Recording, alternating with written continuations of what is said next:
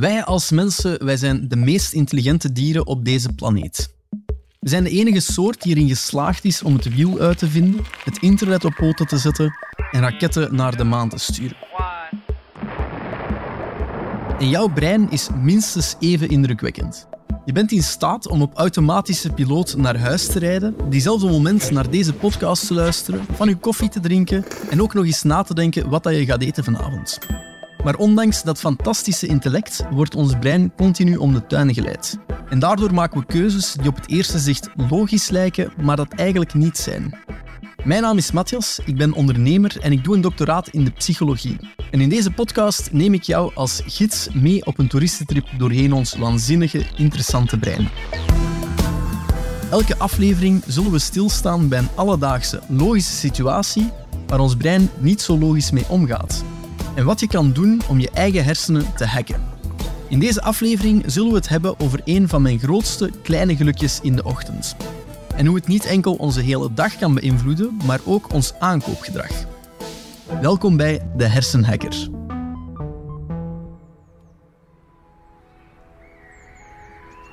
Beeld het u in. Een nieuwe week is aangebroken. Het is maandagochtend, je wordt zachtjes gewekt door je wekker en rustig open je je ogen. Je draait je nog eens eerst om en blijft nog een minuutje of twee snoezen. Maar op je gemak wrijft je toch je ogen wakker. En je bent nog niet helemaal klaar voor de nieuwe week, maar toch kleed je je aan. Je strompelt de keuken in en opent uit gewoonte, zonder na te denken, de kast met de tassen. Pak je favoriete tas en zet ze op het aanrecht. Maar wat schenk je in? Is het koffie? Zo ja, dan behoor je net als ik tot de 84% van de mensen die hun dag starten met een goede tas stomende koffie. Ik ben er alvast even op uitgetrokken in mijn omgeving om eens rond te horen hoe dat zit met die koffie bij de Belg. Hoeveel drinken we ervan? Wanneer drinken we hem? En hoe drinken we hem graag?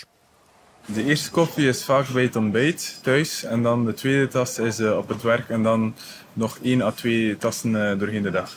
Koffie eentje s morgens en twee, drie in de dag thee. Op het werk veel? Vier, vijf? Thuis twee grote tassen. Ik drink één s morgens, s middags ook één. En pak s'avonds ook eentje. Ik denk dat dat twee wel makkelijk kan zijn. Ja, dat is dan twee kopjes zo. Het zal drie tot vier tassen zijn, afhankelijk van uh, de werkdruk. Hoe drink ik mijn koffie? Zwart? Gewoon zwart, niks erbij. Uh, zonder iets bij. Gewoon de real stuff. Ja, gewoon zwart, ja, zonder suiker en zonder melk, ja. Ik uh, melk en suiker. Bij mij is gewoon melk, zonder suiker. In de zomer, ik drink ice latte. Met melk en suiker eigenlijk. Maar ik laat de suiker er voor de helft van de keer uit. Uh, omwille van gezondheidsredenen. Ja. Gewoon zwart. Zo een Bialetti eigenlijk. Dat zijn mijn favoriete koffies. Meestal het is morgen en meestal is middag. Ja, s'avonds nooit dan kan ik, kan ik niet slapen. Ja. In de ochtend om een beetje wakker te worden, denk ik. En um, om drie, vier uur eerder als ik van mijn werk terugkom naar huis um, om een beetje te ontspannen. Ogen open en een goede koffie om gelijk toch door te komen. Jij toch ook, wel ja. staat op en neemt ook ja, een koffie. Ja. Mijn regel in mijn hoofd is niet na vier uur. Eigenlijk mogen we niet, omdat we dan niet goed slapen, maar we durven. S'avonds durft dat in DK zijn of als ik op restaurant ben en het is laat in de avond toe, maar ik ben van van uh, met cafeïne wel. Ja. Ik vind dat ritueel noemen op een verslaving. Dat is te zien hoe dat je dat uh, interpreteert. Ja. Of het nu is om wakker te worden of om gezellig een babbeltje te kunnen doen of om je te kunnen concentreren, wij Belgen wij houden enorm van onze tas koffie. Want meer dan 80% drinkt meer dan twee tassen koffie per dag. En 30% zelfs meer dan vijf tassen per dag. En dat maakt van cafeïne het meest gebruikte stimulerende middel in ons land. Je zou kunnen zeggen dat het er bijna cultureel zit ingebakken, die koffie. Maar ik moet bekennen, ik zelf maak ook deel uit van die 30%. Ik drink veel koffie. Geen beter ding dan die eerste vijf minuten van je dag wakker te worden met dat aroma van dat tasje vers gemalen en geperst bruin goud. Geen melk, geen suiker, puur zwart tussen de 90 en de 96 graden. Een benadering van de ware perfectie. Ik ben niet verslaafd, maar ik heb gewoon mijn koffie heel hard nodig. Het is de diesel die mijn motor draaiende houdt en ik zou niet weten hoe ik anders zonder mijn koffie, mijn doctoraat, met mijn ondernemersleven zou kunnen combineren. Als ik het mezelf hier nu zo allemaal hoor zeggen, ruik ik bijna de koffie. Dus ik ga me even een tasje zetten. En ik stel voor dat jij hetzelfde doet.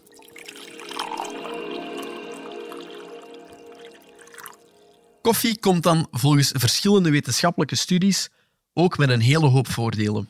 Het zou ons alerter en meer gefocust maken en het zou er ook voor zorgen dat we minder kans hebben om Alzheimer of type 2 diabetes te ontwikkelen. Daarnaast wordt koffie ook rechtstreeks gelinkt aan het algeheel beter functioneren van onze breinen. Maar uiteraard is er ook een keerzijde aan de medaille. En die heb ik zelf eigenhandig de hard way moeten ontdekken. Een jaar of twee geleden merkte ik dat ik elke middag rond een uur of twee een hele zware klop van de hamer kreeg. En dat ondanks al die koffie. Tot het punt soms zelfs dat ik echt gewoon moeite had om mijn ogen open te houden.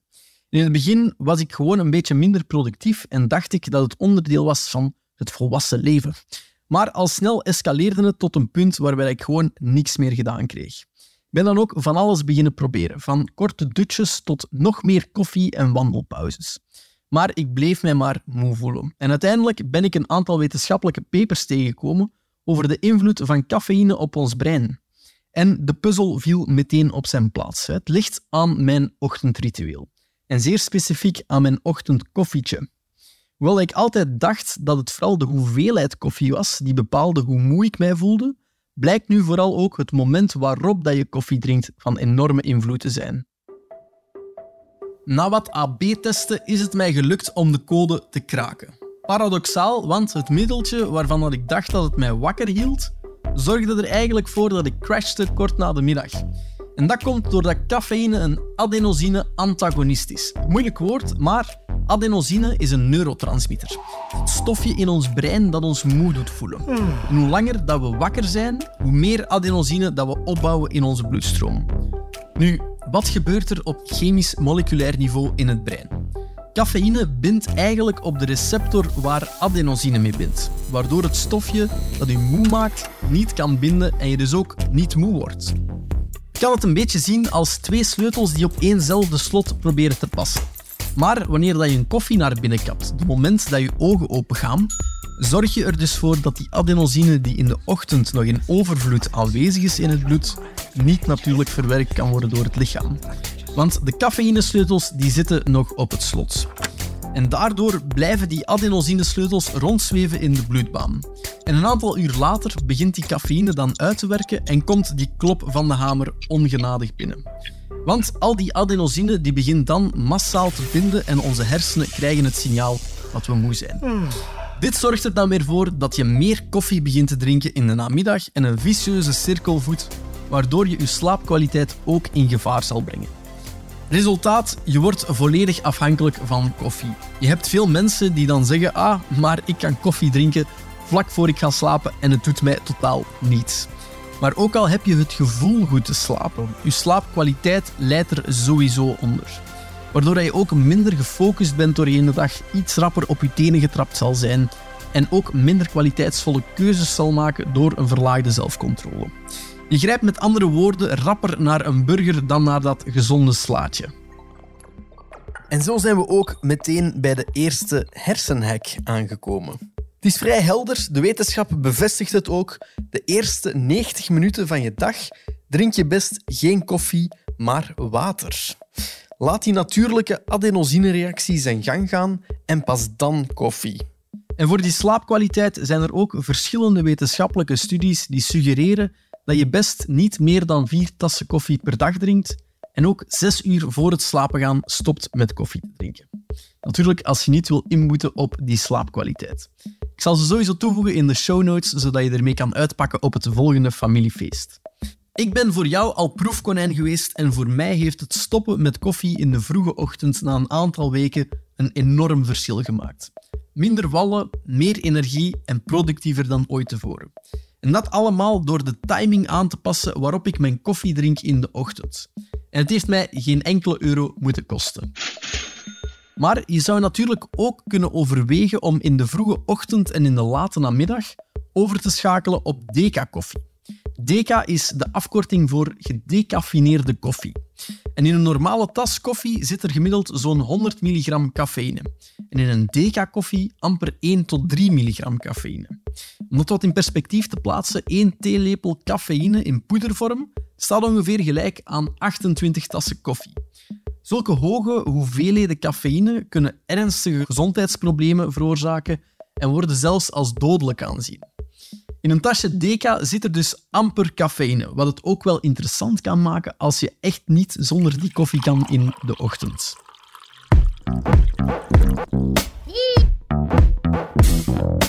Kleine side story. Deca koffie is niet uitgevonden, maar per toeval ontdekt door een Ludwig Roselius. Een Duitse koffiehandelaar die dacht dat zijn vader gestorven was aan een overdosis cafeïne. Heeft er dan ook zijn persoonlijke missie van gemaakt om koffie te maken met dezelfde smaak, maar zonder de cafeïne, waarvan hij dacht dat het het vergif was dat zijn vader vermoord had. Hij vond het antwoord op zijn problemen echter bij toeval. En tijdens een van de zendingen van de koffiebonen die hij binnenkreeg, werd een doos ondergedompeld in zeewater. En toen die koffie dan werd gebrouwen, werd ontdekt dat het water het grootste deel van de cafeïne uit de bonen had gehaald. Kort nadien patenteerde Roselius een manier om koffie te stomen om de cafeïne eruit te halen. Het was voor het eerst commercieel beschikbaar in 1906 in Duitsland en is tot op vandaag ook nog altijd de manier die het vaakst gebruikt wordt om cafeïne uit de bonen te halen.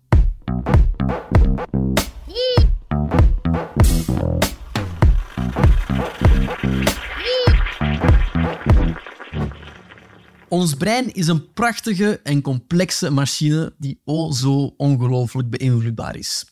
Zo zorgt cafeïne vroeg op de ochtend er niet enkel voor dat we crashen in de namiddag, maar tast het ook onze beslissingskwaliteit aan. Naast het binden met de adenosine-receptor stimuleert cafeïne ook het produceren van adrenaline, een hormoon en neurotransmitter dat onze hartslag doet verhogen, ons in een staat van alertheid brengt, waardoor we ook sneller geneigd zijn om shortcuts te nemen. Zeker wanneer we keuzes moeten maken. Dit fight-or-flight-mechanisme is geweldig als je achtervolgd wordt door een leeuw, maar niet zo geweldig als je tactvol moet reageren op een e-mail van een boze klant of je aan je winkellijstje moet houden. En dat laatste, daar wil ik het eventjes over hebben, want ik haat boodschappen doen. Ik weet niet hoe dat het bij u zit, maar als je mij wilt straffen, zet mij dan vooral in een winkel. Ik doe het niet graag. Alles verandert continu van plaats. Al dat geslenter, dat geeft mij stress. 40 keuzeopties voor hetzelfde ding. 2 plus 1 gratis. Nee, nee, nee. Dat is niet voor mij weggelegd.